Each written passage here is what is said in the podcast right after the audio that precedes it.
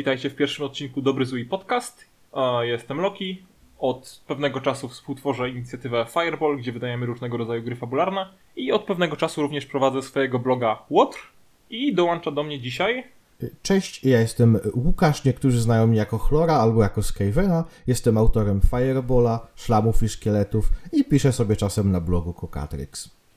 I dzisiaj spotkaliśmy się tutaj, żeby porozmawiać o temacie, który interesował nas już od pewnego czasu i stwierdziliśmy, że w sumie czemu by o tym nie nagrać krótkiego materiału. Mianowicie chodzi nam o zjawisko RPGów opartych o znane marki, które w ostatnim czasie stało się dość zauważalne na rynku, dość, dość popularne. Tak, tak, zdecydowanie. Powstają RPG na podstawie y, książek, no nie wiem, Wiedźmin chociażby od Talsorianów i wydany u nas przez Kopernikusa, na podstawie filmów jak Terminator od Nightfall Games, jak Star Wars od Fantasy Flight Games i 50 innych wydawnictw, na podstawie komiksów Monolith zapowiedział Batmana, y, Sędzia Dredd od Modifusa, i też chyba od kilku innych wydawców, jeśli mnie pamięć nie myli. Na podstawie gier komputerowych wyszedł RPG Dishonored, y, wyszedł RPG na podstawie planszówki Root, o którym zresztą pisałeś yy, dzisiaj.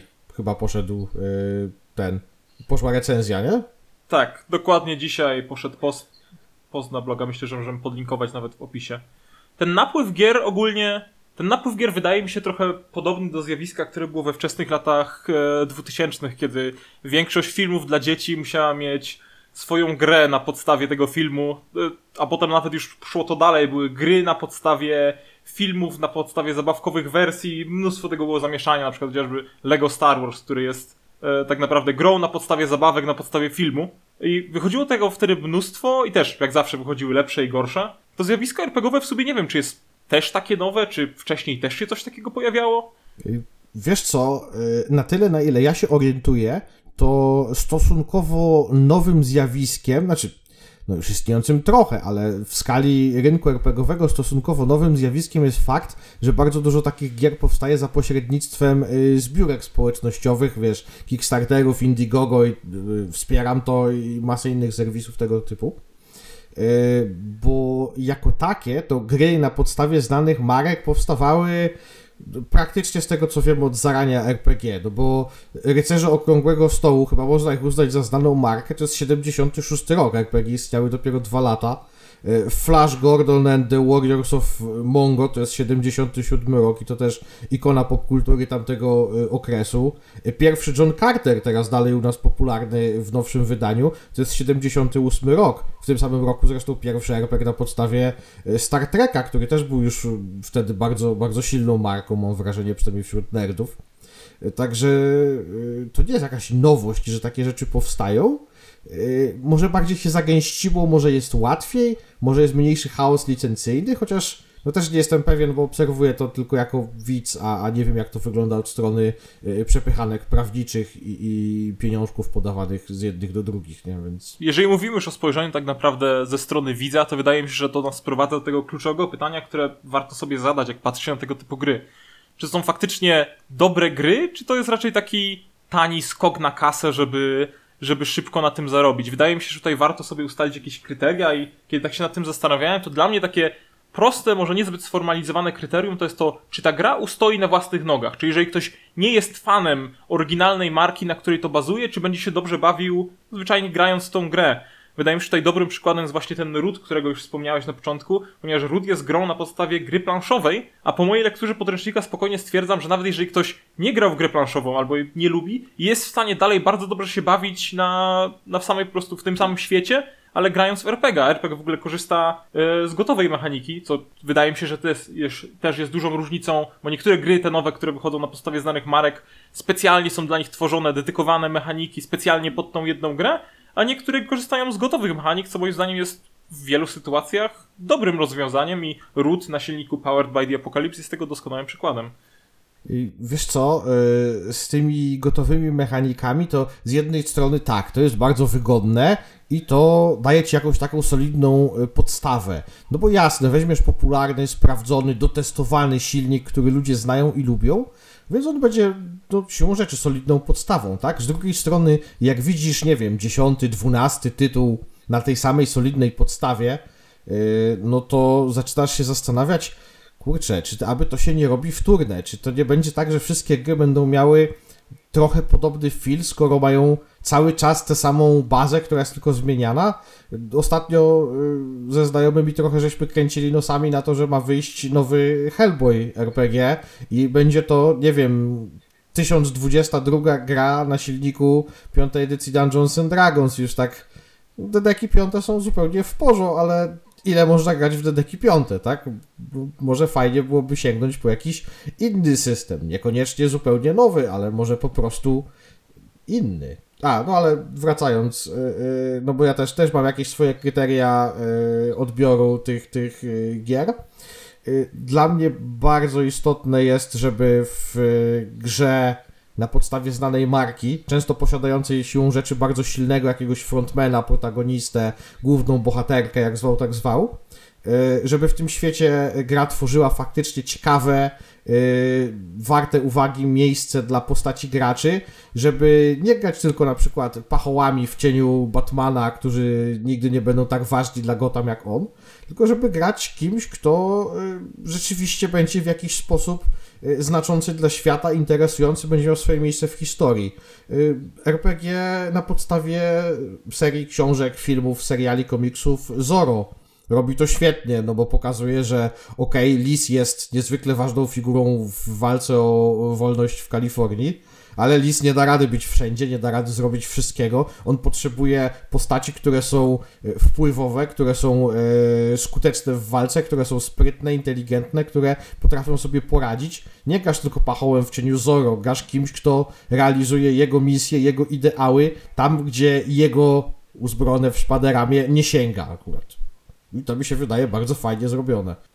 O ile na przykład w przypadku Zoro, jak najbardziej się z tą zgadzam, graliśmy w tą grę i wydaje mi się, że to ta przestrzeń dla tych innych postaci w tym istniejącym świecie jak najbardziej tam jest. Na przykład przy takich grach jak Batman, szczerze mówiąc, mam, mam pewne obawy, bo mimo wszystko, że jasne była cała rodzina Batmanów, Batgirl, e, Robin i tak dalej, e, to wydaje mi się, że bez rozszerzania tego uniwersum, jeżeli tak jak reklamują tą grę obecnie, chcą, żeby to było bardzo w klimacie, w klimacie Batmana i głównie skupiające się na Batmanie, to wydaje mi się, że tamtego miejsca może być trochę mniej. I dla mnie to uderza trochę w taki też problem przy tego typu grach, kiedy wydawcy i twórcy tych gier muszą uderzać w pewien balans między stuprocentową wiernością oryginałowi, czego wiele fanów na pewno oczekuje, a między pewnymi ustępstwami na rzecz grywalności, czyli na przykład, nie wiem, przesunięcia fabuły w czasie, stworzenia osobnego timeline'a, na przykład w którym Batmana już nie ma, Batman nie żyje i są ludzie, którzy muszą wypełnić jego miejsce, coś w tym stylu. Tak samo jak bodajże wspominałeś przed podcastem przykład X-Menów, gdzie na przykład grając w świecie X-Menów, są X-Meni, którzy zwyczajnie są stryknięciem palca są w stanie zniszczyć kontynent i to niekoniecznie dobrze wpływa na, na RPGa. Niekoniecznie każdy autor to obejmie jakąś mechaniką w sposób, który nie będzie psuł zabawy graczom, którzy na przykład będą grali słabszymi postaciami. Więc to na pewno jest pewien balans, który trzeba uderzyć i wydaje mi się, że to jest też ogólnie szerszy problem, do kogo te gry są kierowane, jakie są oczekiwania, bo te gry są kierowane tak naprawdę do dwóch różnych grup ludzi. Są do fanów oryginału, którzy chcą kolejną po prostu na, tak naprawdę formę rozrywki w tym uniwersum i do fanów RPGów, którzy chcą po prostu przede wszystkim fajnego RPGa i przy okazji w tym, w tym uniwersum. Więc wydaje mi się, że są dwie różne rzeczy i różni wydawcy, różni autorzy robią to dobrze. Wydaje mi się, że może warto zerknąć okiem, jakie były takie przykłady w ostatnim czasie, które przyciągnęły naszą uwagę dobrych i złych gier na, na znanych markach. Przychodzi coś do głowy tak z miejsca? Wiesz co, to może zacznijmy od złego. To jest tak, na, na, w dobrym tonie będzie zacząć od złego przykładu. Yy, jakiś czas temu, już parę miesięcy chyba od, od, od tego dnia, yy, po, po sieci krążył starter yy, Terminatora RPGowego. I pamiętam, że o ile y, sam pomysł na RPG w świecie Terminatora wydał mi się super, o tyle już wrażenia z lektury tego, tego startera były bardzo mocno takie sobie, bo ta mechanika mi się wydała wtedy mocno taka toporna, mocno przyciężka, taka trochę 90sowa, szczerze mówiąc. I co w sumie co, co najbardziej mnie uderzyło wtedy, to było, że e, za, zawarto tam jakąś przedziwnie skomplikowaną, taką jakąś quasi planszówkową mechanikę hakowania rzeczy. Nie wiem, Terminator mi się nigdy nie kojarzył jakoś przesadnie z hakowaniem, raczej z sianiem zniszczenia przez mordercze maszyny, pościgami na autostradach i tak dalej, ale tam było jakieś hakowanie oparte o zasuwanie po labiryncie pełnym klocków, gdzie haker zasuwa po tym labiryncie, a, a reszta drużyny w zasadzie się na niego patrzy. I jakoś mnie to tak kompletnie odrzuciło i nie, Nie, nie wiem, nie wiem, być może kompletna, ostateczna wersja gry będzie lepsza, ale, ale ten starter zrobił na mnie fatalne wrażenie czegoś, co, co w ogóle nijak się ma do mojej wizji RPG w świecie Terminatora, jakiego chciałbym zagrać. No w każdym razie dobrze, że wydali starter, bo mogłeś to ocenić zanim, zanim rzuciłeś im pieniądze. Tam pamiętam, że ta mechanika hakowania faktycznie zajmowała kilkanaście stron i wyglądała się być trochę zastraszająca. I do tego mechanika walki, jeżeli dobrze pamiętam, też była takim starym, 90 betonowym klocem. Ale kontynuując wątek właśnie takich gier, które może niekoniecznie spełniły oczekiwania, w przypadku na przykład Hyper Light Driftera, wydawanego przez bodajże Metal Wave Games, pamiętam, że testowaliśmy tą grę wspólnie, przeglądaliśmy podręcznik i tam, tam problem był w zasadzie na dwóch frontach, bo starali się zadowolić i graczy, i fanów oryginału i wydaje mi się, że nie udało im się zadowolić ani jednych, ani drugich, ponieważ e, odeszli fabularnie na tyle od oryginału, że za, jakby zagorzali fani gry, nie byli z tego zadowoleni, a z kolei fani RPGów raczej nie byli zadowoleni z mechaniki, która miejscami była straszliwie przekomplikowana, niezbyt dobrze przetestowana i zwyczajnie nie była przyjemna w trakcie rozgrywki, była straszliwie męcząca do gry. A jak już mówimy też o męczących mechanikach dla gry, wydaje mi się, że warto wspomnieć e, Wiedźmina od Talsorian Games i teraz też nowego Cyberpunka Red, które no nie da się ukryć, wydawałyby się, że będą mocno targetowane pod kątem graczy gier komputerowych, którzy zobaczą, że o, uwielbiam tą grę na komputerze, chętnie sobie pogram ze znajomymi wspólnie w jej papierową wersję, zobaczę o co chodzi z tymi RPGami. No i jak na wejście dostają taki silnik jak Interlock, który tak naprawdę powstał bodajże w 87 przy jakimś pierwszym systemie, który się nazywał Mekton i od tamtego czasu tak naprawdę niewiele zmian było do niego wprowadzonych takich znacznych, bo dalej jest tym takim typowym tamtego okresu silnikiem opartym na dużej ilości skilli. No śmiali się nawet ludzie w internecie, że karta postaci do Cyberpunka Red wygląda jak PIT 11. Więc wydaje mi się, że to by na przykład, jeżeli ktoś zobaczy, gracz komputerowy przychodząc z gry komputerowej w swoim ulubionym uniwersum, przejdzie do RPGa i zderzy się ze ścianą zasad, tekstu, masą, masą po prostu atrybutów, które będzie musiał teraz ręcznie liczyć, pamiętać, rzucać kostkami, coś co na komputerze robi się automatycznie, nie wydaje mi się, że zachęci to go do grania w RPG po prostu w takiej formie. Oj tak, oj tak. E, zresztą z, z, podobnych przykładów, z przykładów takich, nie wiem, RPGowych latimerii, które dalej pływają nam po fandomie, no to ja się prawdopodobnie teraz e, narażę mnóstwo osób, więc jeżeli zaginę gdzieś przypadkiem, to tam urońcie łezkę. E, ja chciałem powiedzieć, że Zew Cthulhu niewątpliwie bazuje na bardzo dużej, znanej od lat marce, takiej wręcz Y, mainstreamowej, wręcz, wręcz dążącej do przesytu w ostatnich latach, a jednocześnie jest tak potwornie ciężkim, przestarzałym i nieporęcznym RPG-iem, że za każdym razem jak próbuję w to grać, to łzy lecą po prostu. To też jest gra, która wyszła gdzieś tam Sorry, to też jest gra, która wyszła w latach 80. tak naprawdę, nie? O rany, 81 rok, pierwsza edycja. Za każdym razem, jak próbuję w to grać, to kończy się na tym, że albo musimy się przesiąść na inną mechanikę, albo musimy to hausulować, bo po prostu, no, no nie idzie z tym walczyć, nie? Ja wiem, że niektórzy uwielbiają, ja wiem, że niektórzy mają sentyment, no. Próbowałem się do tego przekonać, dla mnie to jest po prostu zabytkowa kobyła, która powinna stać w muzeum pod kuratelą wiekowego Harrisona Forda i broń Boże się stamtąd nie wychylać. No ale dobra, może przejdźmy do jakichś lepszych rzeczy, bo narzekamy, narzekamy, a wcześniej wspominałem na przykład o Zoro od y, Galant Night Games i kurczę, no jednak można, nie? Jednak, jednak się da, jednak wyszła świetna gra, y, nieduża, y, z bardzo sympatycznymi, nieskomplikowanymi zasadami, także jeżeli ktoś y, nie zna się za bardzo na RPGach, jest nowy w tym hobby, to te zasady go nie zniszczą, nie odstraszą, tylko ma szansę je faktycznie poznać, zrozumieć i się wciągnąć. A jednocześnie podręcznik zawiera bardzo szczegółowy, bardzo wyczerpujący, bardzo plastyczny i ciekawy opis świata. Więc jeżeli z kolei siedzisz w RPGach, a nie znasz się na Zoro, to podręcznik od razu cię wprowadza i daje ci mnóstwo informacji o tym uniwersum. Nie musisz koniecznie poznawać wszystkich filmów, nie musisz poznawać wszystkich komiksów czy książek. Więc yy, da się to zrobić. A, no i co ważne chyba dla wszystkich odbiorców, yy, przepiękna oprawa graficzna podręcznika, naprawdę olśniewające, ręcznie malowane ilustracje z całej długiej historii marki.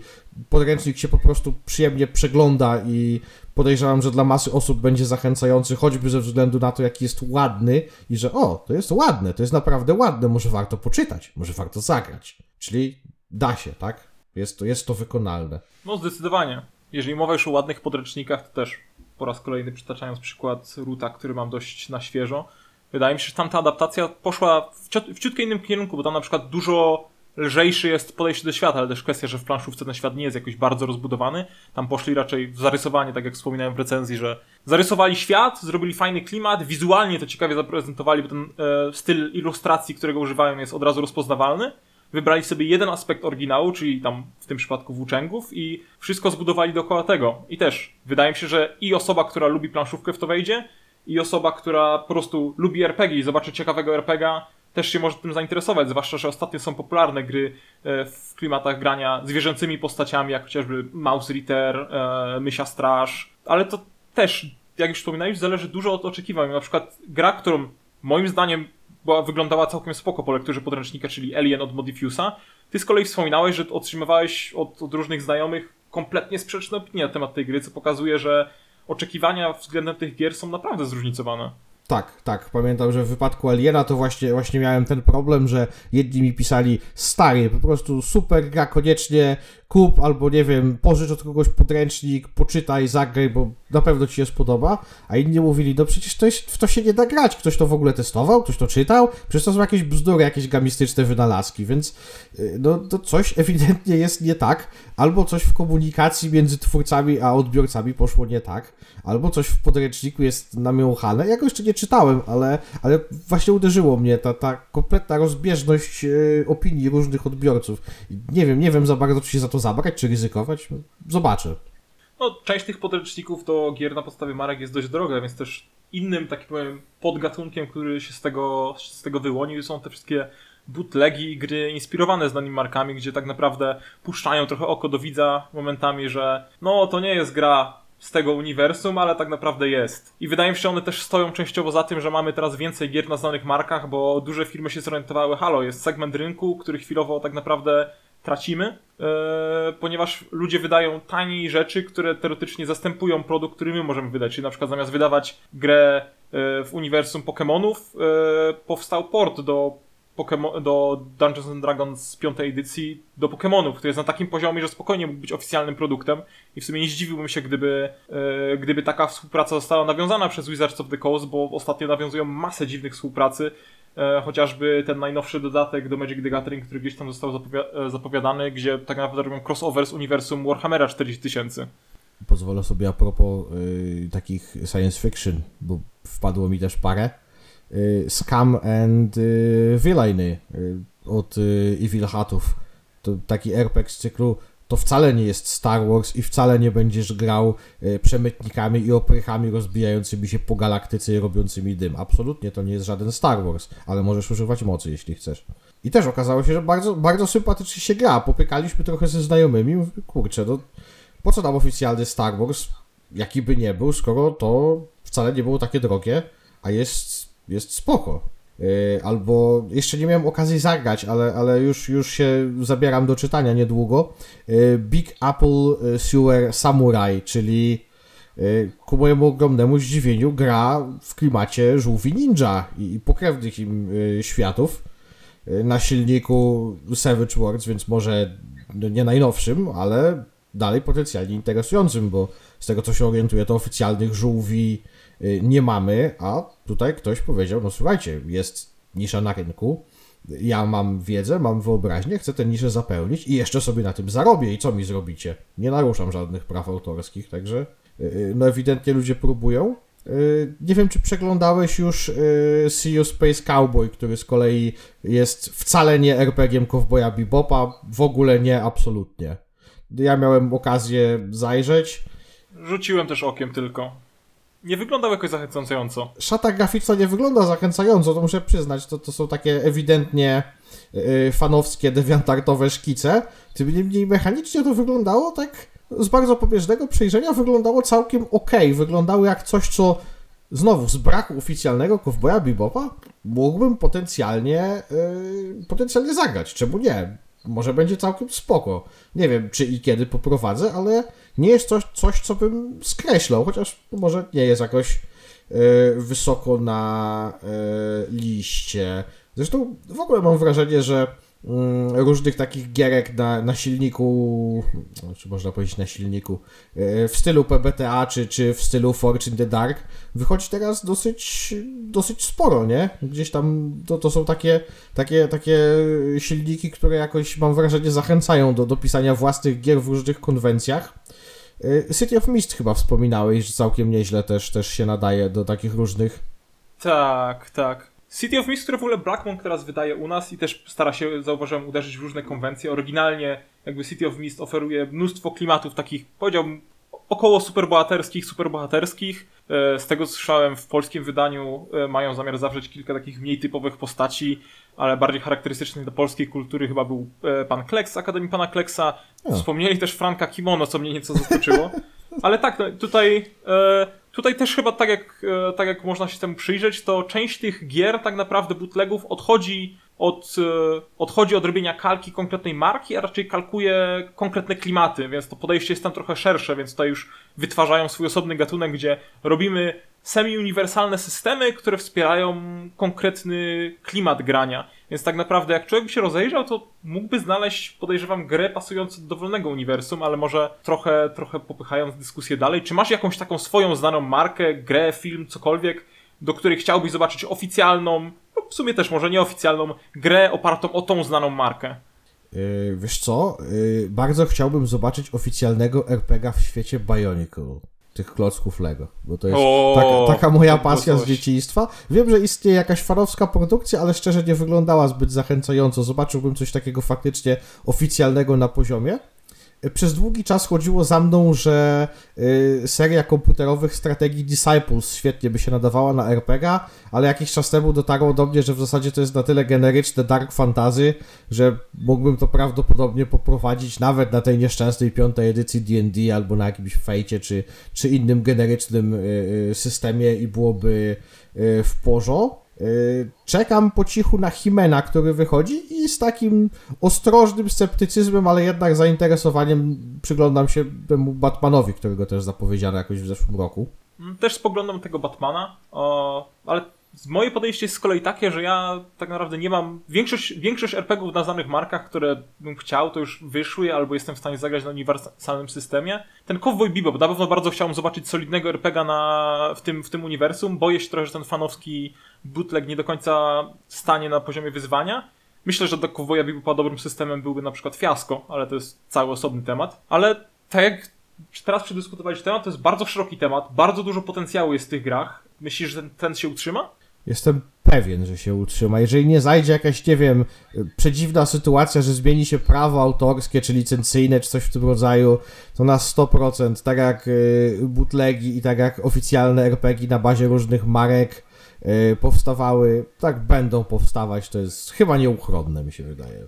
Wydaje mi się, że rzeczą przy takich trendach jak ten, na którą warto zwracać uwagę i na którą zwracać uwagę tak naprawdę przy wszystkich grach RPG, ale przy tych zwłaszcza, ponieważ tutaj ten hype jest bardzo duży, e, bo bazują na znanych markach i ta miłość do danej marki, do danej postaci może człowieka zaślepić, jak patrzy na te zbiórki i się, można dać się ponieść, pakować się w próg za 200 dolarów do gry, która no, bądźmy szczerzy, e, nie będzie miała okazji w ogóle dorosnąć do tego poziomu, co, co oryginał i będzie tylko marnym cieniem. Więc trzeba te swoje oczekiwania, myślę, trochę temperować przy tych, przy tych zbiórkach, bo im więcej tych gier wychodzi, to wcale nie oznacza, że będzie ich coraz więcej lepszych. Podejrzewam, że będzie po prostu masa średniaków, jak ze wszystkim, a nie zdziwię się, jeżeli będzie kilka takich wpadek, jak właśnie ten Terminator czy, czy Hyper Light Drifter. No i tutaj też dużym ryzykiem jest to, na jakiej mechanice jest ta gra, bo momentami te mechaniki robione w pośpiechu, żeby tylko dokleić do tego e, fajne obrazki z tego uniwersum, bywają, bywają koszmarne. Z jednej strony tak, a z drugiej strony y, nieraz już wolę, żeby mi dali średniego RPGa na znanym i, i